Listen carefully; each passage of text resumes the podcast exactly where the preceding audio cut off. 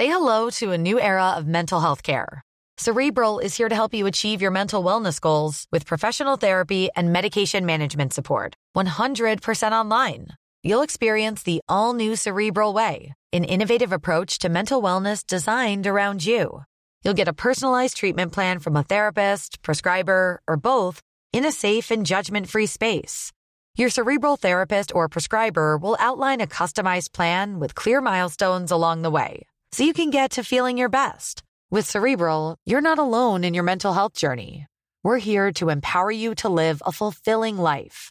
So take that first step towards a brighter future and sign up today at cerebral.com slash podcast and use code ACasts to get 15% off your first month. Offer only valid on monthly plans. Other exclusions may apply. Offer ends July 31st, 2024. See site for details.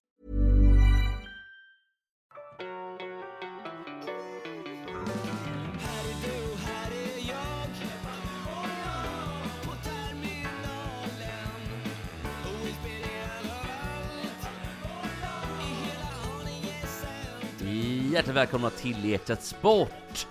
Och vi är tillbaka i full uppsättning. Eh, Mats Sandberg har varit här hela tiden. Tackar, tackar. Hur mår du? Ja, jag mår väl...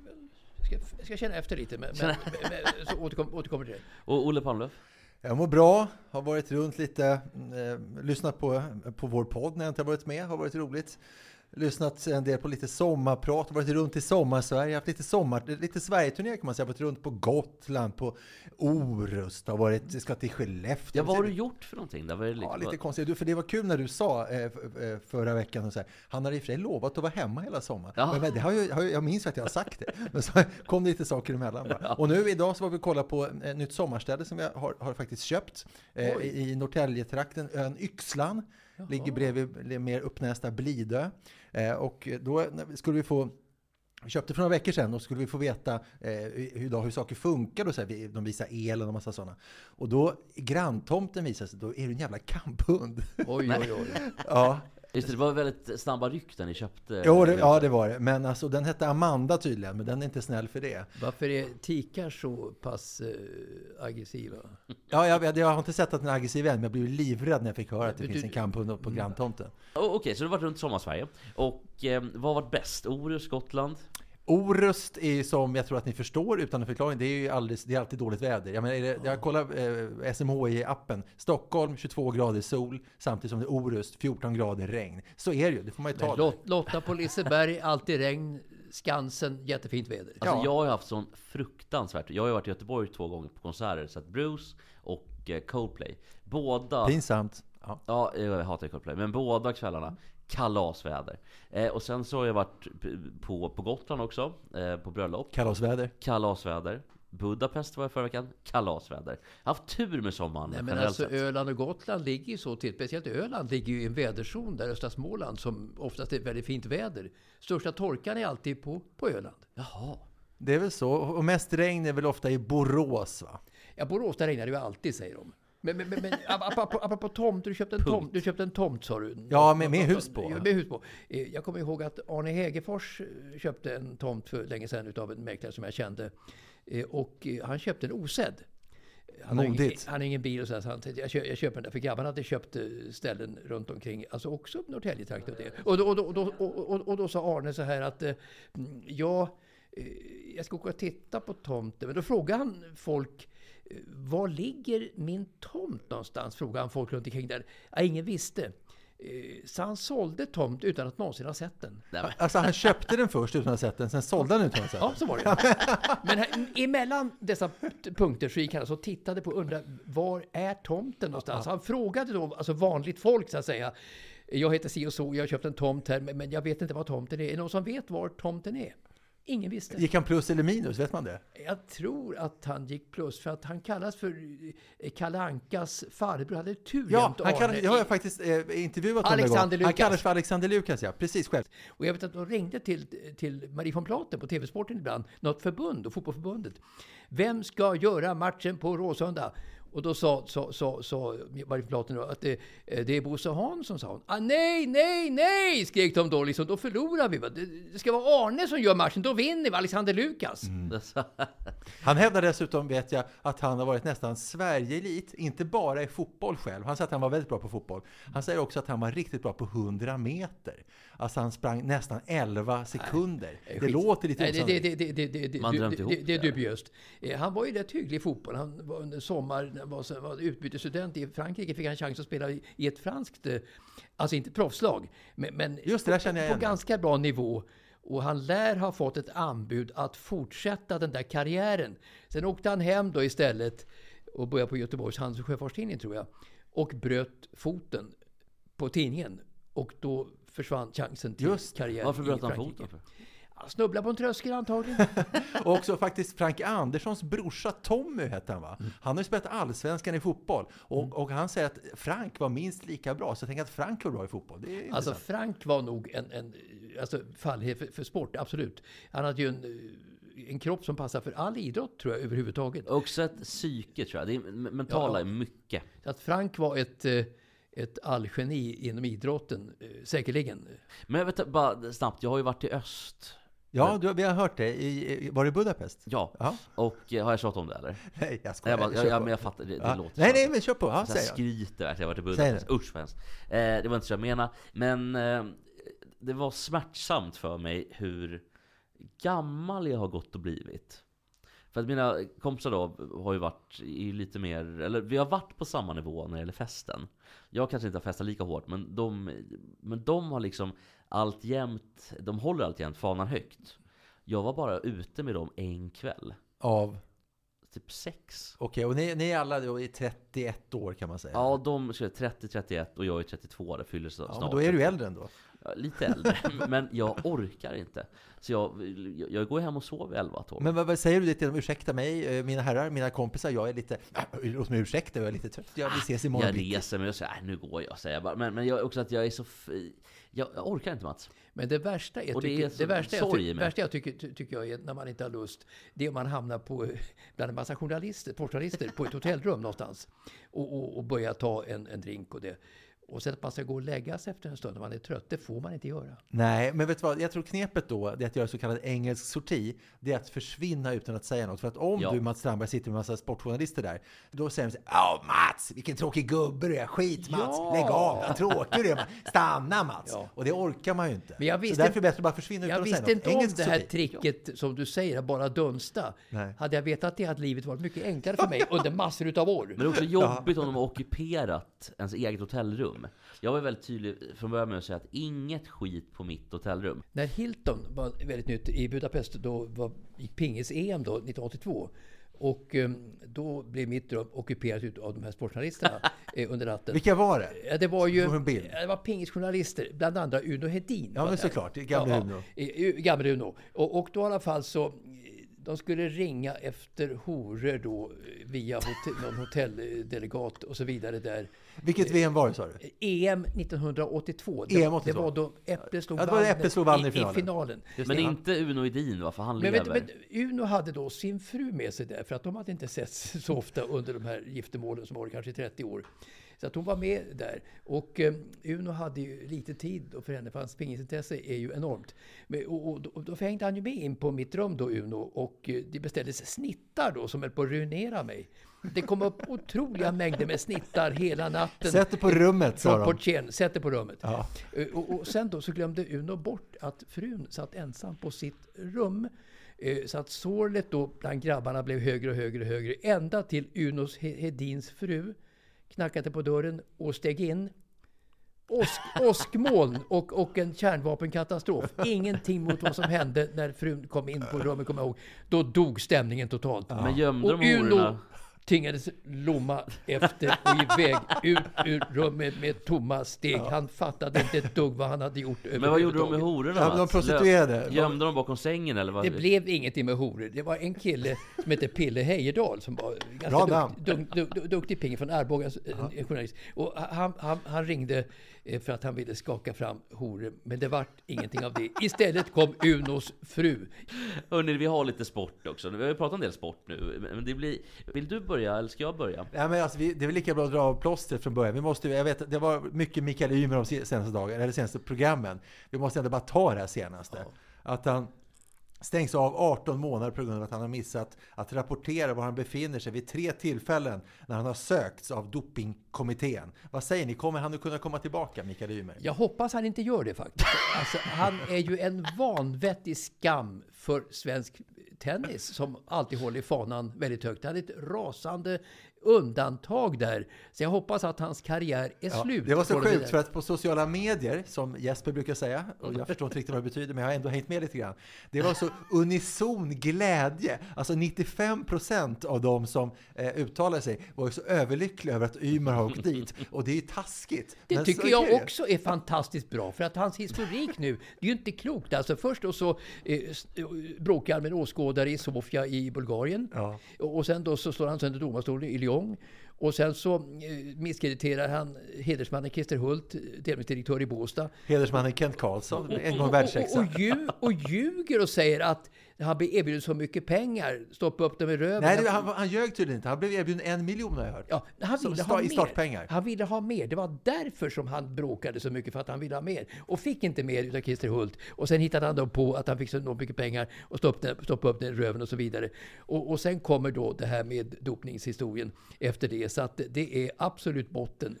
Sen kan jag tycka att ackumulerat Att vara så hatad som Ymer är just nu Även om han har gjort de här överträdelserna och även om han har sagt de här sakerna. Alltså jag skulle säga att Mikael Ymer under vissa tillfällen Har varit mer hatad än Putin.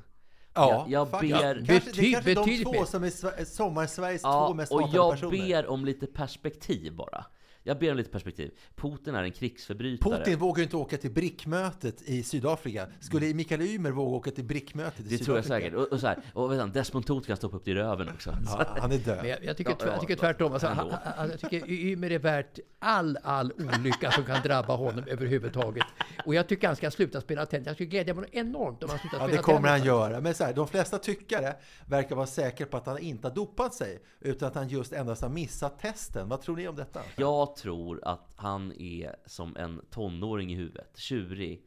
Och, och tycker att jag tänker minsann inte följa dopningsreglerna, för jag vill kunna göra vad jag vill och bestämma vad jag vill. Men jag tror att han är så fruktansvärt trasig som individ. Så att han, jag har nog aldrig varit med om något Hans mål är att vara en hel människa fram till 30-årsdagen. Exakt, han, precis, jag berättade för Matt förra veckan nu. Jag vet, jo. Ja, jag, det var, jag, det har var så- lyssnat. Tack så ja, mycket. Ja, men vad bra, tack.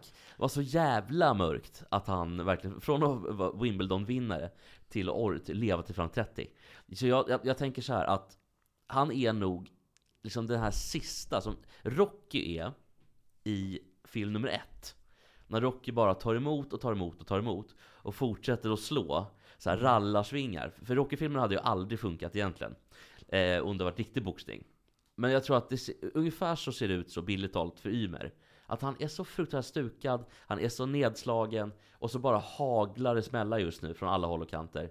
Jag tror att han skulle kunna ta livet av sig. Ja, och det vore faktiskt inte Men kul. han har ju bjudit på dessa smällar eh, som ju är unika. Ja, han har ju I- ställt sig som Rocky. I svensk idrott är det unikt och i tennisen alldeles speciellt unikt. Eh, Så att det är ju en chock att en kille beter sig på det sättet i den tidigare fantastiskt omhuldade tennissporten. Det är det verkligen. Men Mats, om han skulle ta livet av sig under veckan som kommer nu, skulle du vara lika hård mot honom nästa vecka?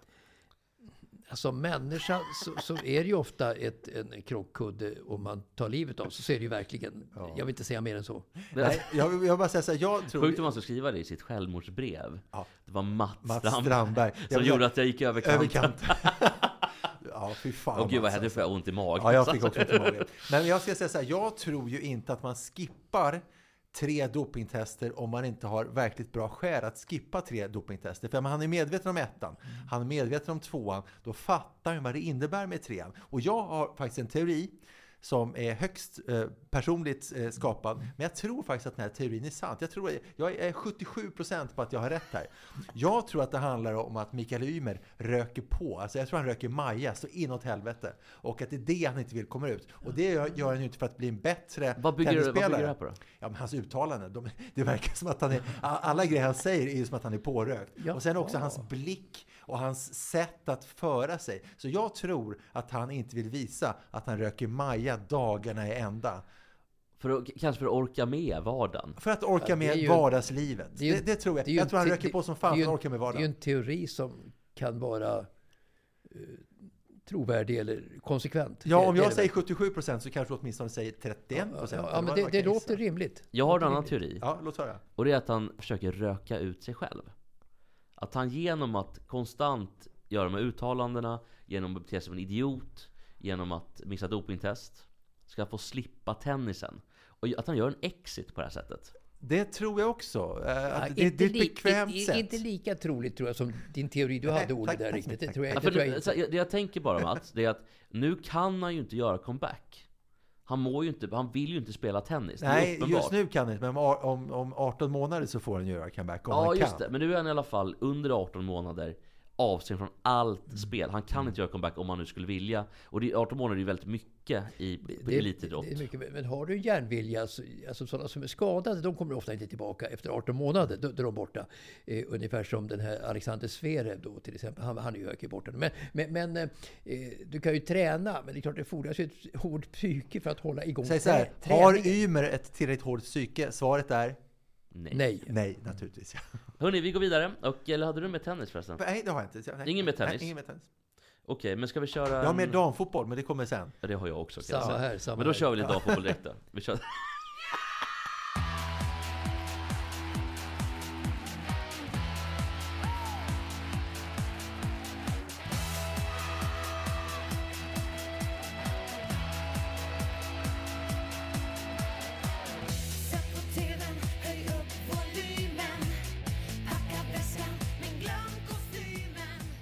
Är det då VM i Nya Zeeland och Australien. Det började inleddes idag. Kul att Norge fick stryk av Nya Zeeland. Jättekul! Ja, och på tal om Nya Zeeland så har ju både Nederländerna och Spanien Och när han säger Nederländerna menar han Holland.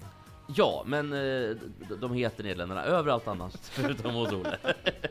De har då fått kraftig kritik. Kan ni gissa varför? Det är väl till med mao, maorierna va? Ja, Exakt. just det. Så här är det. Bra, du, du har helt rätt Mats.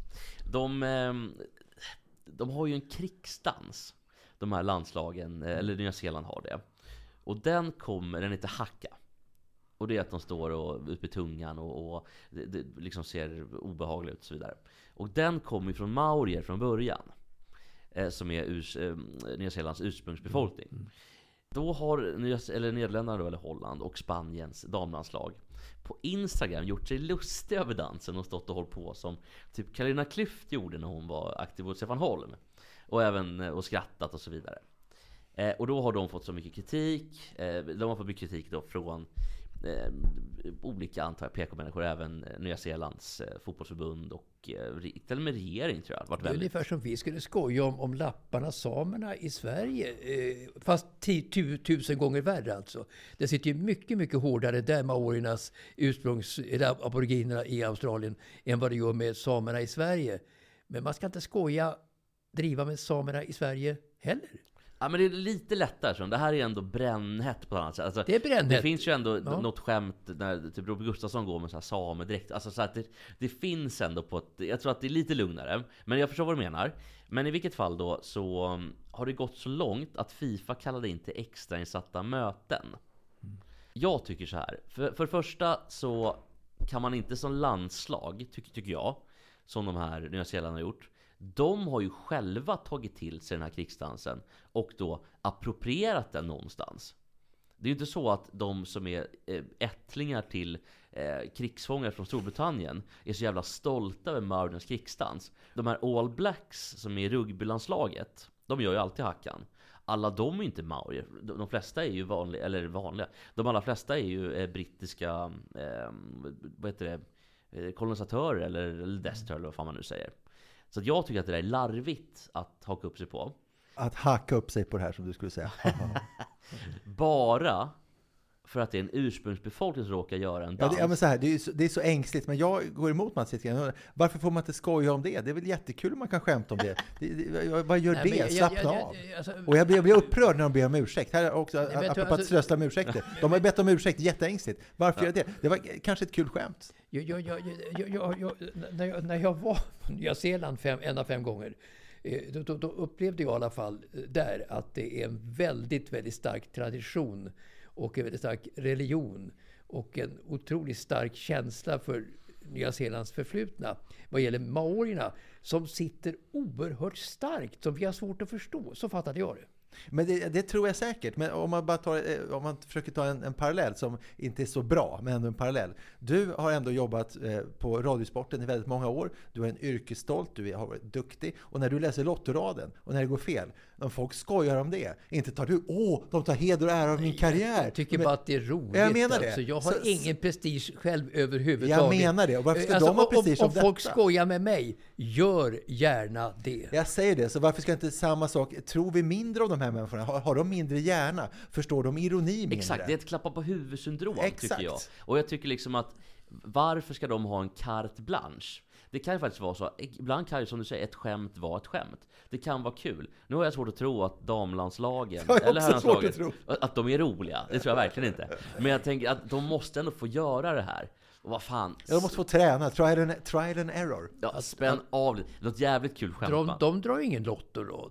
Nej, det gör, det nej för det fan, det gör de verkligen. Och nå- något, något, ett väldigt kul skämt. Eh, han är inte rolig så jävla ofta, men Claes Malmberg sa en gång i något så här humorprogram att under... Måndagsklubben kanske. Nej, det var nog senare, time-out kan det ha varit. Att under, eh, om Östersund skulle få OS 2010 eller vad fan det var, vinter-OS. Då skulle 30 000 samer lägga sig i ett mönster av en hembränningsapparat. Ja. Det var väldigt roligt. Okej, men, men jag vet att Olle, du har ju också en grej från dagen. Jo, men jag vill prata om eh, Kosovare Asllani. Hon har blivit intervjuad i DN inför den här turneringen. Och det, hon är kritisk till att det finns eh, så få spelare med utländsk bakgrund i landslaget. Hon säger så här. Visserligen finns i årets VM-trupp fler spelare med utländsk bakgrund än tidigare. Men i jämförelse med herrlandslaget, eller för den delen Frankrikes damlandslag, så ligger svensk damfotboll efter. Och då undrar jag, liksom, tror hon på allvar att Peter Gerhardsson bryr sig ett skit om eh, de spelarnas etniska bakgrund när han tar ut, eh, när han tar ut fotbollsspelarna? Tror hon det, tror ni? Nej, det, alltså, det, det, där finns, det, finns någonting här som även Zlatan höll på med. Ja, precis. Att det skulle finnas någon rasism bakom uttagningarna. Och det kan säkert grunda sig i att de, de känner sig att de känner att de har varit med om utanförskap själva. Men det där måste man, jag tycker fan man kan kräva både Aslani och Zlatan innan de öppnar käften. Att försöka åtminstone se förbi det där. För att om de försöker tänka lite klart, tänker jag i alla fall. Så är det precis som du säger. Gerhardsson och Janne, de har ett uppdrag, det är att vinna. Alltså, jag tror de skiter i om det skulle vara tio etniska kineser Ja, det- som är svenskar. Alltså, jag jag tror inte de bryr sig. De vill ju, vi- som du säger, de vill ju vinna. Jag är jo, helt jo, men alltså det, vi ska inte snacka om det pratar vi inte om här. Ab, Nej, ab, ab, absolut, absolut, absolut inte. Men det var kritik mot Janne Andersson förut också, när det var så många etniska svenskar med i laget. Det är inte som nu, så nu har ju den kritiken tystnat lite. Jag håller med om att det har naturligtvis ingen som helst betydelse för en förbundskapten hur lagets sammansättning etniskt ser ut. Nej, men tror ni att hon tror det på riktigt? Eller tror ni bara att hon gillar att säga det för hon förstår att folk tycker att det är kul att läsa det? Det, det, kan finnas en sån eh, aspekt också. För att hon vet ju hur hon ska få igång till exempel oss tre. Ska sägas. Hon lyckas bra. 1-0 Hon- till Kosovare Ja, Asllani. verkligen. Och så jag säga både 2 och 3-0 också. Ja, just det. Ja. Så att det är klart det kan vara så. Men eh, det rimmar också lite illa för att hon är ju väldigt, det, det är mycket med, hon har ju gått till Real Madrid nu.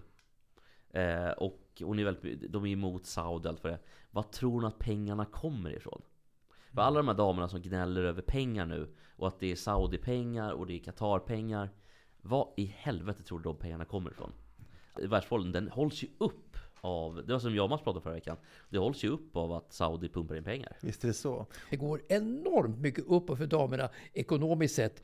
Eh, Om man åker ut i första omgången, alltså ut i gruppen, får man 30 000 dollar per näbb. Per näbb. Det är väldigt bra. Jättemycket. Och får du VM-guld, då får du 270 000 dollar per näbb också. Vilket Åh, är helvete. enorma Det summor. var också mycket för en näbb. Det, det är mycket. Det är mycket. Men jag har också en synpunkt på just hur attityden är till damfotboll i Sverige. Och du frågar på Aftonbladets sista sida, eh, har du sett den här landskampen igår på fotboll mellan eh, Sverige och Armenien? Eh, och då säger nästan tre av fem säger nej, eller fyra av fem säger nej.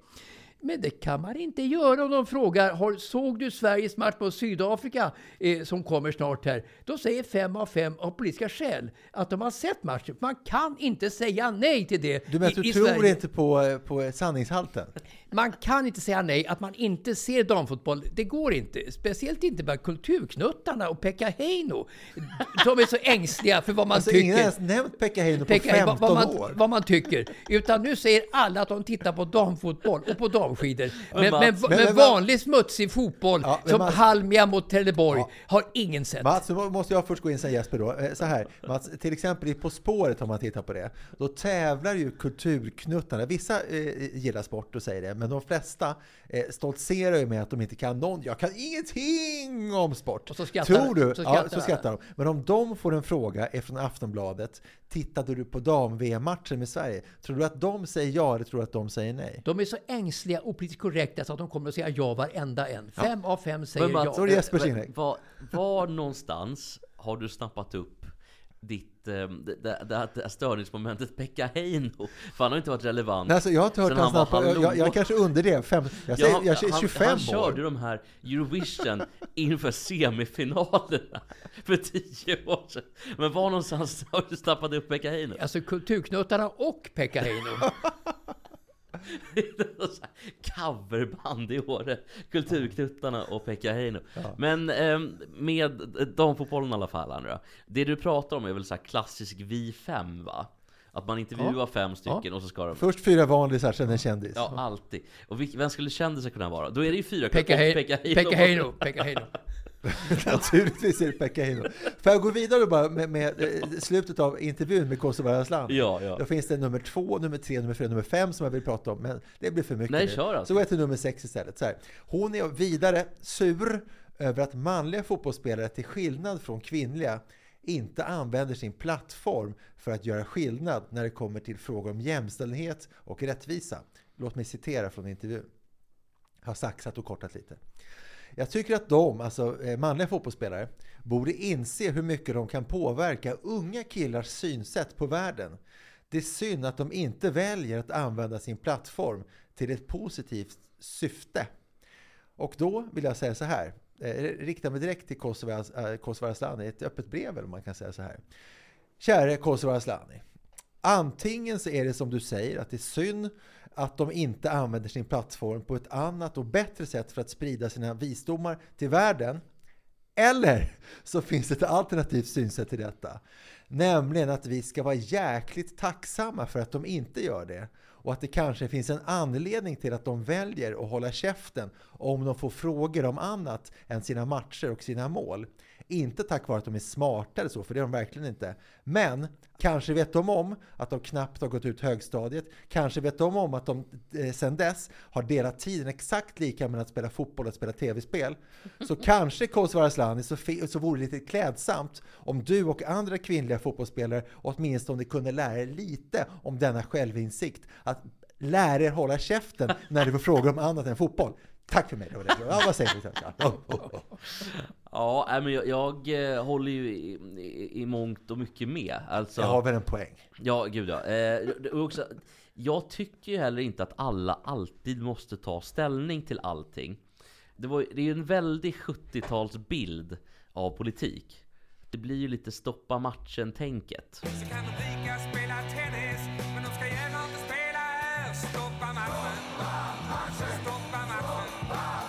Mats, vilken match är Jesper syftar på nu? Eh, Det är Sverige-Chile i Båstad 1975 Eh, och eh, det var en semifinal i Davis Cup. Sj- 73 så störtades ju All- Allende och mördades också, be, beskjuten 11 presidentpalatset. september va? 11 september, presidentpalatset står i lågor i, i Santiago de Chile och Allende dör i lågorna. Och Pinochet tar över då som diktator i Chile. Och detta var ju misshagligt då för, eh, för, ja, för, för publiken och för svenskarna överhuvudtaget. Så att de såg man alltså i matchen Sverige-Chile som en chans att demonstrera. Just det. Eh, jag har inget emot att man stoppar den här matchen om man skulle vilja göra det.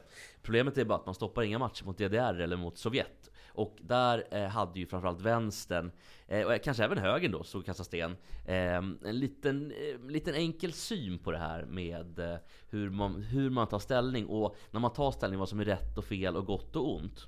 Jag har heller inte bot att fotbollsspelare eh, använder sin plattform. Men det måste ju någonstans komma ifrån dem själva. Och som sagt, eh, de visdomarna som de eventuellt besitter, eller framförallt kanske eventuellt inte besitter. Mm.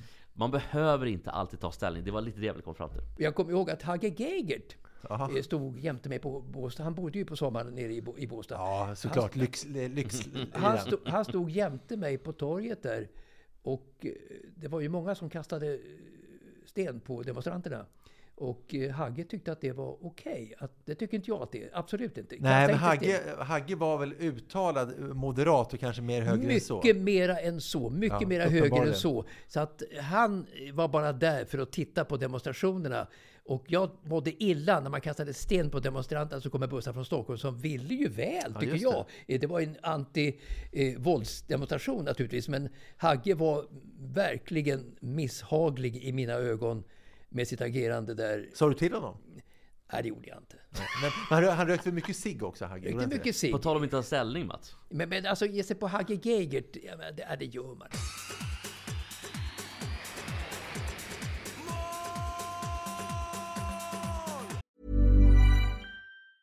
Hey, I'm Ryan Reynolds. Recently, I asked Mint Mobile's legal team if big wireless companies are allowed to raise prices due to inflation. They said yes. And then when I asked if raising prices technically violates those onerous two year contracts, they said, What the f are you talking about, you insane Hollywood ass?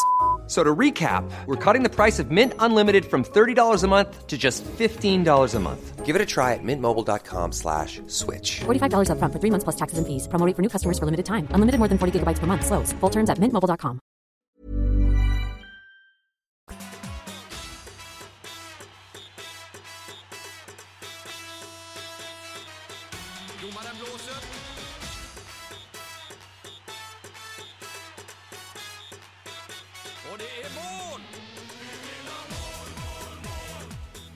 Det är några saker som jag har snappat upp här. Jag har varit borta några veckor, ni har fått köra själva, så, här, så jag har skämts lite. Men jag har samlat på några fotbolls... Jag kallar det här för, för fyra uppsamlade fotbollskortisar. En då, eh, gamla landslagsmålvakten i damlandslaget, Hedvig Lindahl. Hon har ju fått kicken ifrån Djurgården. Och då eh, säger hon så här. Tiden i Stockholmsklubben blev inte alls vad Lindahl hade, hade väntat sig. Ja, står i tidningen då.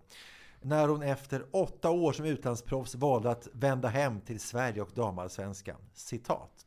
Jag tycker att det är lite ledsamt att min sejour i Djurgården inte blev som jag hade hoppats. Mitt enda mål var att lämna laget på ett bättre ställe än jag fann det. Jag ville vara en positiv kraft till förbättring och förändring, men med facit i hand har det inte blivit så. Och sen så säger hon eh, några rader som Eh, så om, om ni lyssnar lo- noga nu, så det säger ganska mycket om henne som, som person. Nu kommer for, citatet fortsätter. En fortsättning i klubben hade tyvärr lett till att jag hade varit tvungen att anpassa min personlighet på ett sätt som jag inte hade mått bra av. Jag, menar, jag har aldrig hört en tydligare omskrivning för jag är en skitjobbig person. Har ni, har ni hört det? Nej, det är ju tyvärr Hedvig, men som i alla grupper och alla sammanhang så även om den kan, i den bästa av världar för en själv så skulle man ju inte behöva kompromissa eller vika en tumme med någonting. Nu ser det ju inte riktigt ut så i världen. Utan anpassning är ju en, faktiskt en av våra eh, evolutionära eh, beståndsdelar. Precis, den som anpassar sig överlever. Det är ju Darwin. Det är Darwin, och det, det är väl i alla fall allmänt vedertaget att det, det är så det fungerar. Eh, och sen kan man tycka vad man vill om det, man ska inte alltid anpassa sig. Men i det här fallet så, hon kunde nog kompromissat lite grann och gett, gett fan i att gå ut på Twitter och, mm, eller i medier och så vidare. Mm, Vad säger Mats? Ja, alltså, jag tror hon knäcktes utav den här final, eh, final, semifinalförlusten mot England i EM eh, förra året. När Sverige förlorade med 4-0 och hon var ju en stark bidragande orsak till att Sverige förlorade med 4-0. Hon släppte in två bollar obegripligt plus en tredje boll som hon skulle ha tagit. Så att då var ju kritiken tuff mot henne för första gången. Riktigt hård kritik. Så att det måste ha satt sig väldigt hårt i henne. Hon blev knäckt av den matchen. Eh, nummer två på min lilla eh, fyrling här. Eh, för lite drygt en vecka sedan så vann Halmstad borta mot Norrköping. Nu pratar vi allsvenskan, alltså herrallsvenskan. I TT-telegrammet som följde så förekom en mycket udda information. Jag ska läsa till så ska ni se, så ska vi se om ni kan utröna vad det är som är väldigt udda i den här texten skriven av en då TT, kanske en sommarvikarie, men ändå, ändå en TT-journalist. Så här. Halmstad vann under måndagen borta mot Norrköping. Matchen blev en rysare. Den gästande nykomlingen tog ledningen genom anfallaren Viktor Granat, född i Timmersdala. Norrköping kvitterade sen genom danske Vito Hammerskap, Meshari och matchen såg länge ut att sluta lika. Men i 92 minuten så klev Mohamed Nem fram och blev stor hjälte. Halmstadspelaren vek in från kanten och borrade in 2-1. Vad var det som var udda i detta? Du, du kan säga först, man ska säga facit sen. Man från Timmersdala. Ja, det var det jag Onödig tänkte. Jag information. tänkte. Det var totalt oin, Ja. o, meningslöst att ta upp att han var från Ja, men vad vad i Timmersdala. helvete! Vi- Vikt- Viktor Granat, född i Timmersdala, punkt. Och sen Vita Hammar. Det är det sjukaste jag sett. Ja, ja. Alltså jag har ju två eller tre kompisar som jobbar på TT, på sporten. Ja. Så jag kan, Kan fråga vem som har skrivit detta? telegrammet. Återkomma, för det är och så vad, sjukt. hur tänkte ni egentligen? Ja. Var det ett skämt kanske? I så fall var det lite roligt. Det kan ju vara så att de har suttit på, för de jobbar ju så här skift typ. De jobbar ju först på morgon, dag kanske, sen jobbar de eh, eftermiddag, kväll. Ja. Det kan ju vara så att de har suttit och garvat lite. Ta in det där med Timmersdala. de lämnar över kanske en textremsa och ser om de stryker när de kommer till, Ja, till nästa pass. alltså, att de gör lite så olika bus. ja, Kanske. kanske. Nummer tre i min lilla lista här. Märklig pryl med allsvenskan i fotboll. Jag vet inte om ni märkte det, men den 8, 9 och 10 juli så spelades det åtta matcher. Låt mig läsa samtliga resultat så får vi se om ni märker någonting som var lite speciellt under dessa matcher. Resultaten var så här. AIK-Häcken 1-2. Värnamo-Djurgården 1-2. BP Degerfors 1-2. Malmö-Mjällby 1-2. Sirius-Hammarby 1-2. Kalmar-Elfsborg 0-4. Göteborg-Varberg 1-2. Norrköping-Halmstad 1-2. Alltså 7-8 matcher blev 1-2. Och det var väl den sista matchen va? Den sjätte matchen blev 0-4, men Exakt. framförallt så är det alltså åtta bortasegrar i rad. Har inte hänt sedan det infördes Jo tre men att poäng. det också blev 1-2. Ja, i sju av åtta. Att man Exakt, det skulle, höll ju på att att bli man skulle, 1-2 i alla man skulle börja med det då. Det blev idel bortasegrar, utom en. Precis. Mm. Det är otroligt. Hur fan kan det hända? Ja, det är väldigt, men bara på tal om 1-2, vilket är klassiskt för alla som Olle vet. Nordin. 1990. Olle Nordin. Men Olle Nordin har ju vid flera tillfällen när folk har ringt blånekat och... Eller säger man blånekat? När man nekat intervjuer? Alltså han, han vägrar att intervjuas Så är om det. 1-2 för han mår så dåligt över 1-2. Olle, Olle, Olle var ju en, en svår eh, smålänning faktiskt. Han var ju aktiv själv och spelade fotboll. Jönköping, så, så, eller? så, så han Nej, ju- han spelade i IFK Göteborg. Alltså, Glenn Strömberg när han kom till IFK, jag tror 79, kan ha varit 80 också. eh, Han tog ju eh, Olle Nordins startplats i, sta- i startelvan i IFK Göteborg. Och det kan, vi, tror vissa, ligga bakom att Glenn Strömberg inte fick starta i VM 90. Han var inhoppare. Men, men, men jag, tror, jag, jag tror det är så här i alla fall att det, det, så, han fick ju sparken då, eh, Nordin, efter 1-2, 1-2, 1-2. Ja, alltså Eh, saken var att hans kontrakt gick ut och de hade pra- muntligt om att förlänga det. Men de hade inte skrivit på. Lennart Johansson lovade honom en, för, en förlängning, men Ja. Lennart fick, fick backa på det. Sen framkom det då hur otrevlig Olle hade varit mot kanslipersonalen på Råsunda. Eh, och de eh, tyckte så illa om de höga hästar som Olle satt på när han agerade i förbundet. Så att de ville inte ha Olle kvar, de, de som var anställda överhuvudtaget i fotbollförbundet. Han Ah. var, var ju väldigt snygg Olle Nordin. Han ser ut som en snygg Christer Pettersson. Det är Eh, mustaschen kanske. Ja, precis. Ja, men lite skulle han tugga amfetamin lika länge som Christer Pettersson skulle han få samma underbett och då hade de varit väldigt Ja, lika. exakt. Och så vi ska ut och röva. Liksom Ja, ha det, det. ha det Men, men Olle var alltså en otrevlig person. Får jag, be, får jag komma till nummer fyra på min lilla lista? Ja, Det handlar om fotbollströjor lite grann. Lite blandat här. Fotbollsförbundet släpper matchtröjor från spelarna i damlandslaget för eh, kommersiellt syfte, att sälja helt enkelt. Och målvakten, som väl antagligen kommer att få stå, som heter eh, Zecira Musovic. Hon är sur över att det bara är de gula utespelarnas tröjor som, som säljs. Eh, Och inte den blå, vad det nu kan vara. Är den blå eller är den brukar vara grön blå, eller brun? va? Ja, så hennes tröja säljs inte ute till kommersiell försäljning. Har hon rätt eller fel att vara lite sur över det? fel eller? Alltså hon får Hur kan man vara sur för det? Ja, hon, tycker att det, hon tycker att hon blir sidsteppad Hur som kan man vara målvakt. sur för det? Jag förstår inte det riktigt. de här eh, kedjorna, alltså Stadium och Intersporter som köper in de här tröjorna. De har ju naturligtvis ett samarbete eh, som man väldigt noga pratar med förbundet. Eh, att de här tröjorna kommer sälja, vi gör ett estimat och så ser man att det är inte värt att trycka upp med Musovic för att ingen kommer köpa Nej, tröja. och de har också eh, erfarenhet från senaste EM, för då var det nämligen så att då såldes det målvaktströjor och, eh, och, med Hedvig Lindahls namn. Och det, och det sålde inte alls. Och det citerar någon, alltså någon på förbundet, så det gick inte alls. Eh, och det- har ju sålts då till årets VM-turnering. Och då vill jag bara se om ni kan gissa eller svara på vilka två tröjor som har sålt bäst eh, i, eh, damlandslaget. Alltså Aslani överlägset. Fel. Det tror jag, Blackstenius eh, tror jag också faktiskt. Och även Fridolina Rolfö. Rolfö är första rätt eh, som är... Eh, Rolfö Är det och Seger, eller? Nej, faktiskt Sofia Jakobsson. Jaha.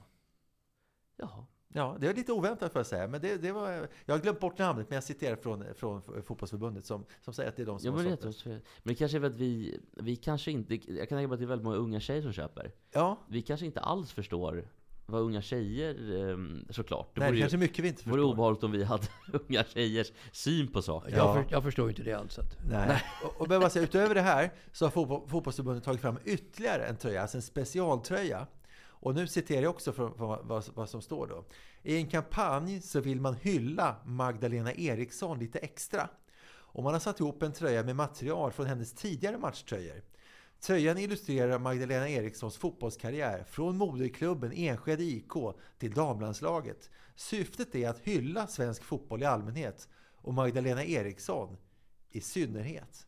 Är det något egenvärde att hylla svenska Men fotbollsspelare? det är också konstigt att under brinnande karriär, det borde vara efter karriären i Jag så fall. menar det. Varför gör man så för? ja, inte ens efter karriären. Va? Hyllningar måste ju komma spontant och underifrån. Då är de ju värda Mm. någonting. Det här signalerar, tro, tycker jag, och tror jag, ifrån fotbollsförbundet när de ska göra en specialtröja för att hylla Magdalena Eriksson. Det kommer ju från Åben. Det är som att de liksom förringar hennes insats och tror att hon kan inte för egen maskin frambringa eh, hyllningar. Så det är egentligen att pissa på henne. Jag håller verkligen med om det att det måste komma, det måste komma spontant. Och jag menar kanske Så inte mycket pissa på, und- men jag så menar det måste ändå under- komma spontant. Ja, underifrån. Jag vet inte, hyllningar kan väl komma... Alltså nu har ju inte Magdalena Eriksson själv orkestrerat den här paraden, så att det är. Nej, men det kommer från ovan det jag säger. Hyllningarna kommer inte underifrån spontant, utan de kommer Jo, här, fo- här, folket, hylla! Jo, men man hyllar väl saker hela tiden, även om det är från oben eller inte. Ja, men Jag håller nog med att det är lite Nordkorea över det hela faktiskt. Nej men vadå, om, om Sverige... Om Två Sverige... mot en. Ja. men om Sverige har vunnit ett eh, VM-brons fotboll, eller tagit ett VM-brons fotboll, eller vunnit ett VM-guld i hockey. Det är ju inte så att det är folket som drar ihop, att de så här rafsar ihop en scen på Kung, i Kungsträdgården. Nej, det är det inte. Men det är ju ändå, folk också. kommer ändå dit Nej, men- eh, självmant. Ja, Det, det finns i folkdjupet ändå en önskan att hylla en viss eh, person, även när Sverige vann gu- VM-guld i hockey. Och det kommer ju fram då på Sergels torg när folk kanske gapar och skriker om just den spelaren. Så att då, då är det ju genuint och äkta på något sätt. Här blir det klappa på huvudet, tycker jag. Nej men jag fattar, men nu, nu får jag också ett perfekt läge att hoppa på extremhögern. Kanon! Ja. För att eh, det finns inga som är så larviga i sina hyllningar. När man ska hylla gamla svenska kungar och det är ibland då så här asagudar och sånt där. Det är väl jävligt tramsigt eller? Du menar Karl XII och, och sådär. Den som vann typ ett slag och förlorade allt annat. Förlorade i princip hela Sverige. Alltså det Ah, var... Karl XII vann jättemånga slag fram till han började förlora. Men Gustav, han II- förlorade väldigt många slag. Gustav II Adolf var väl värd en stor hyllning. Eh, och Karl XII också. De gjorde ju...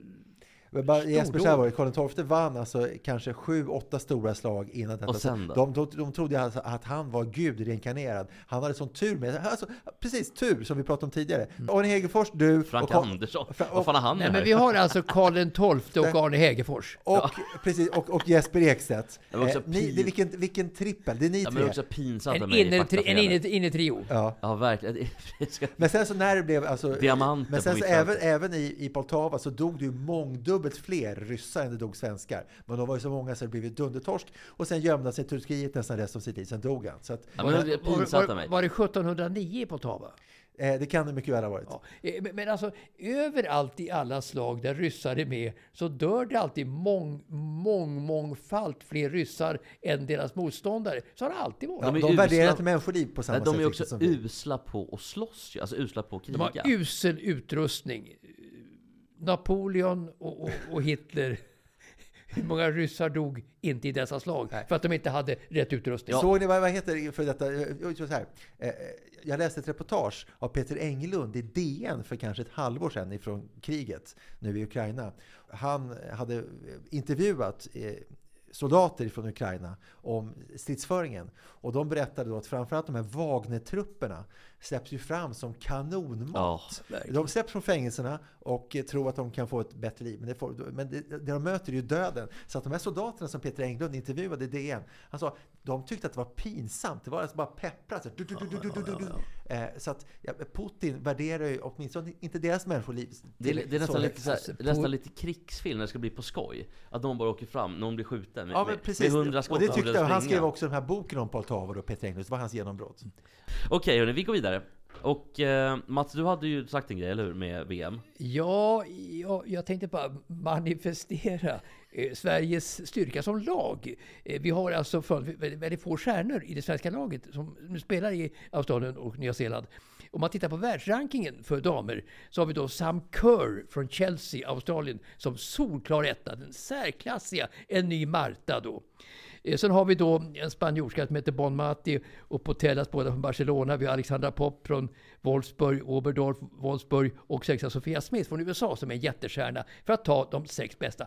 På femtonde plats kommer Fridolina, Rolfö som första svenska. Och sen ända ner till 36 plats Stina Blackstenius från Arsenal och eh, eh, Aslani eh, på 37 plats. Ser man det så så borde Sverige inte vara så högt rankat som Nej, det är. nej. Eh, Alltså vi har inga individualister sett till de övriga ländernas stjärnor. Men ändå är vi högt rankade beroende på att man tror att vi har ett eh, bra Ett bygge kollektiv. utav lag. Att vi har den traditionen i svensk fotboll här och dam. Att vi kan bygga ett lag ändå. Och Gerhardsson är väldigt duktig på det. Han sitter ju kvar fortfarande år efter år efter år och har tydligen ett jättestort förtroende hos tjejerna. Han är en diplomat och inte en, eh, vad säger man, stridstupp. Att han inte är en stridstupp kanske gör att han kan vara tuppen i hönsgården. Precis, eh, Och, och, det, och det är han ju också. Ja, och kommer du ihåg, alltså, kommer du ihåg filmen Tuppen? Inga jämförelser nu med Gerhardsson. Jag tror Magnus inte- Härenstam. Ja, jag tror inte att Gerhardsson ligger med spelare, det tror jag verkligen inte. Men han är ju snart 70 också, det hade, oh, fy på dig i så fall Gerhardsson. Men eh, Magnus Härenstam låg ju då med hela fabriken. Det var ju skämtet. och de åkte runt, han åkte runt på någon cykel i byn var där nor- och nor- dam. en norsk film Det var det kanske ja. Mm. Och så var det någon textilfabrik nere i, eh, i Norge. i Norge, Mm. precis ute på landsbygden. Och så var han ingenjören då. Jaha, eh, det har hänt mer grejer Mats och Olle. Mm. I NHL, då tar vi lite...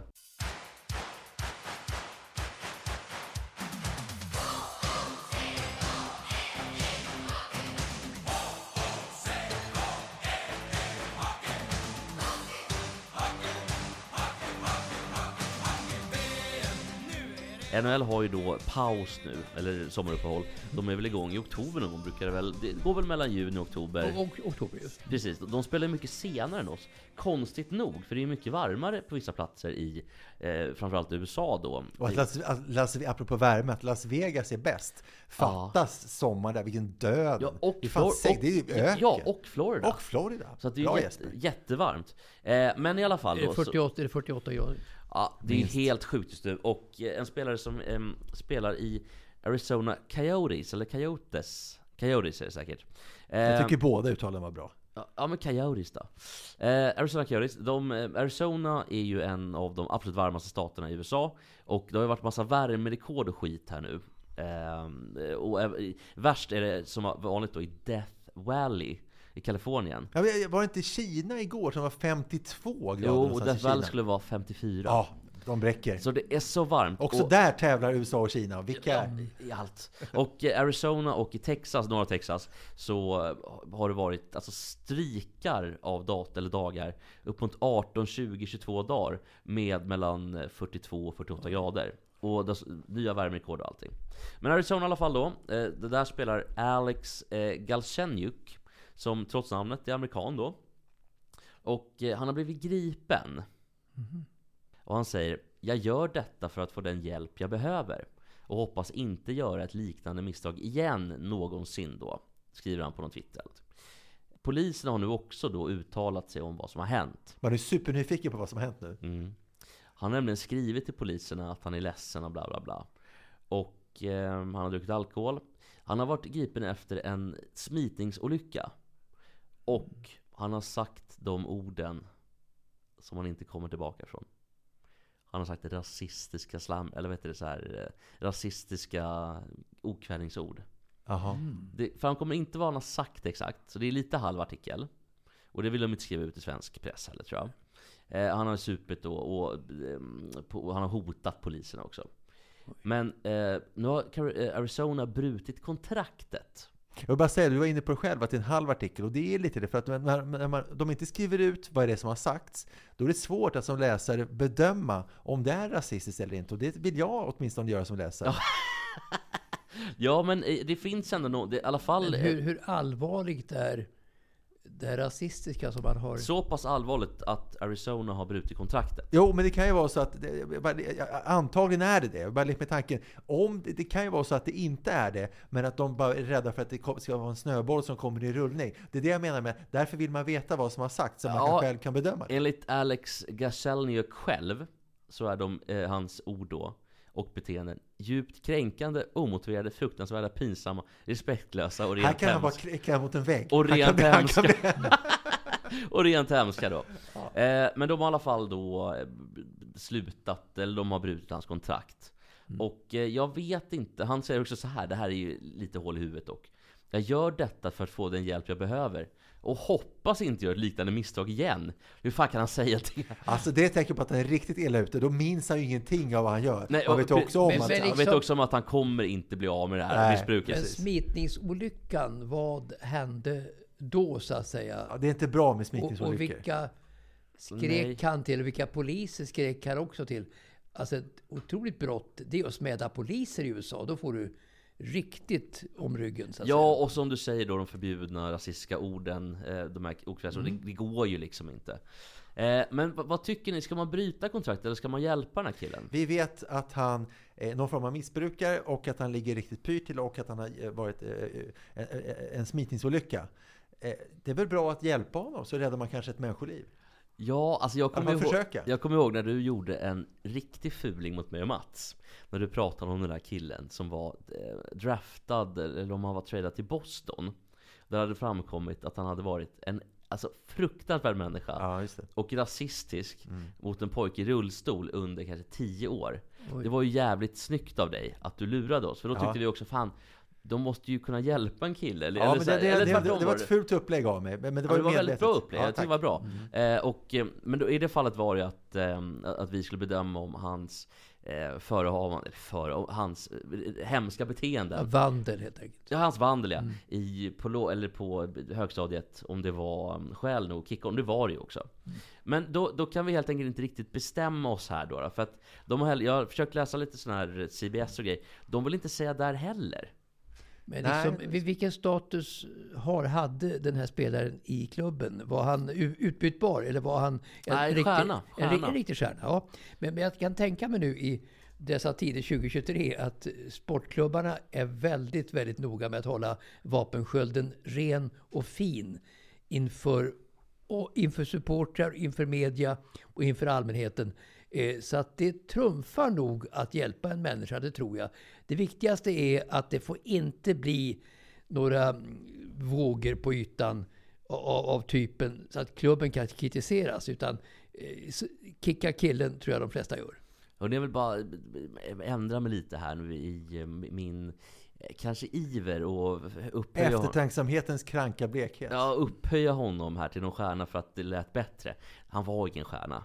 Och dessutom har han bytt klubb inför året. Så. Som Mats var inne på, utbytbar. Ja, så han spelar i det- Colorado. Det är väldigt lätt att kicka en kille då som inte har så stor betydelse för klubben. Det är det eh, av de skälen som jag sa nyss här. Så här. Det har kommit fram nu. Jag har läst eh, i realtid vad han har sagt.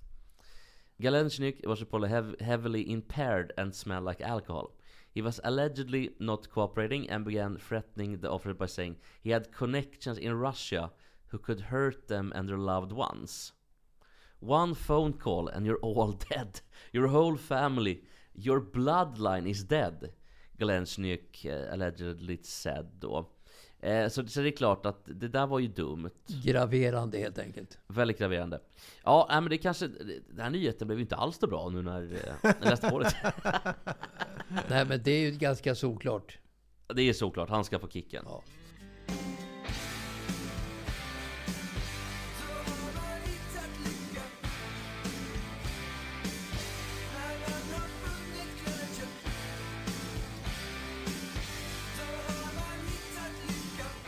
Jag tänkte jag skulle, det är kul att läsa vad andra tycker om en Wimbledon-final. Det tycker jag är kul för att jag har eh, sett många Wimbledon-finaler. Jag vill gärna titta om den här var bättre eller sämre än de största finalerna. För det var ju en fantastisk final emellan två mycket karismatiska spelare som eh, och gjorde upp i, i, i finalen i Wimbledon helt enkelt. Och Alcaraz vann den i tre set mot två mot Djokovic. Eh, och svenska media och Sverige är så provinsiella. Det här är ändå ett av världens största evenemang anno 2023. En Wimbledon-final i världen är jätte, jättestort. Det är mycket större än golf, det är mycket större än dam-VM överallt i världen. Och det är mycket större än damskidor också faktiskt. Eh, speciellt då på lokal nivå i Bruksvallarna som det skrivs jättemycket om inför, inför, inför, inför, series, inför, inför starten utav säsongen.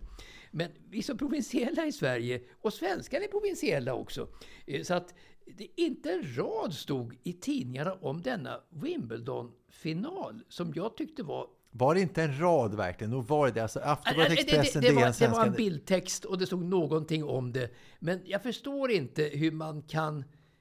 Är det svenska folket som inte vill ta till sig saker som andra folk i andra länder gör normalt? Utan att man är så provinsiella i Sverige på ett extremt sätt faktiskt. Det är sida upp och sida ner inför detta eh, dam-VM i fotboll som kanske är intressant.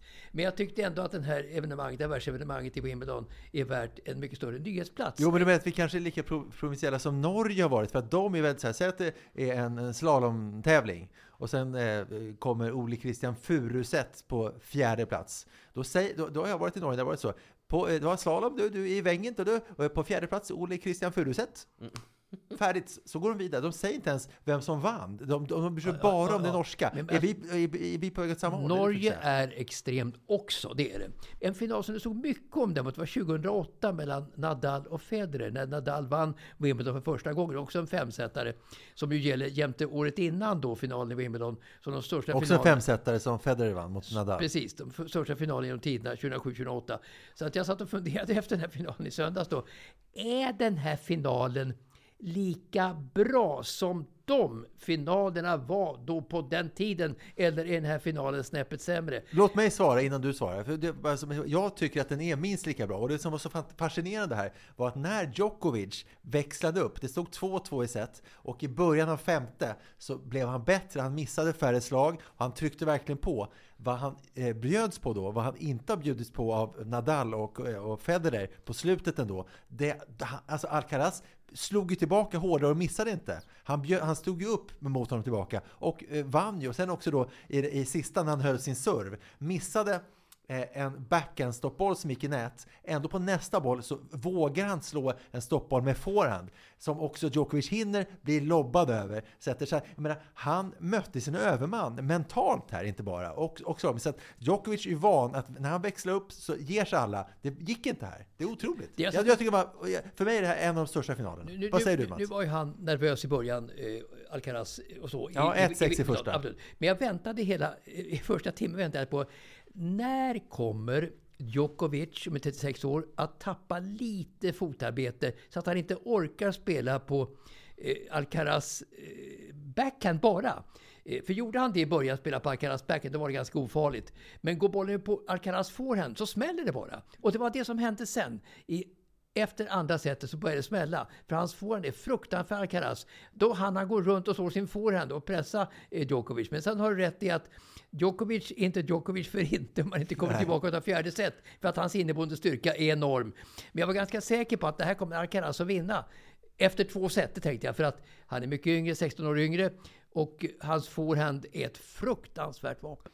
Men men jag njöt av finalen och jag tänkte att det här blir en lång match i och med att eh, Alcaraz torskar första setet. Ja, men alltså, det, här, det här var en klassiker. Jag skulle säga att eh, den, den bräcker alltså Borg McEnroe 80. Kanske på samma nivå som 2008 och 2007 mellan Federer Jag håller med till 100 procent. För ser man, eh, ser man matchen om igen, eh, alltså mellan Borgmarken och 1980, så sitter man nästan och småler alltså för att det var så vansinnigt långsamt. Alltså, så löst de slog och så primitivt Ja, spel. de hade, alltså, Borg hade trärack jag bara Precis, det räckte med träracket för Borg. Så att, men jag håller med dig, 2007, 2008 och 2023, stora finaler. Djokovic tal efteråt när han hyllade eh, Alcaraz. Alltså, han, är- han är rolig, han är slagfärdig, han är självironisk och han är faktiskt håll i det, ödmjuk. Djokovic, eh, bra snubbe. Man är också han- serbisk nationalist. Han serbisk Han har vuxit, han har vuxit som person i takt, i takt med sina framgångar och sin, sin, mognad på touren. Djokovic som har varit en mycket hatad person under sin han långa karriär.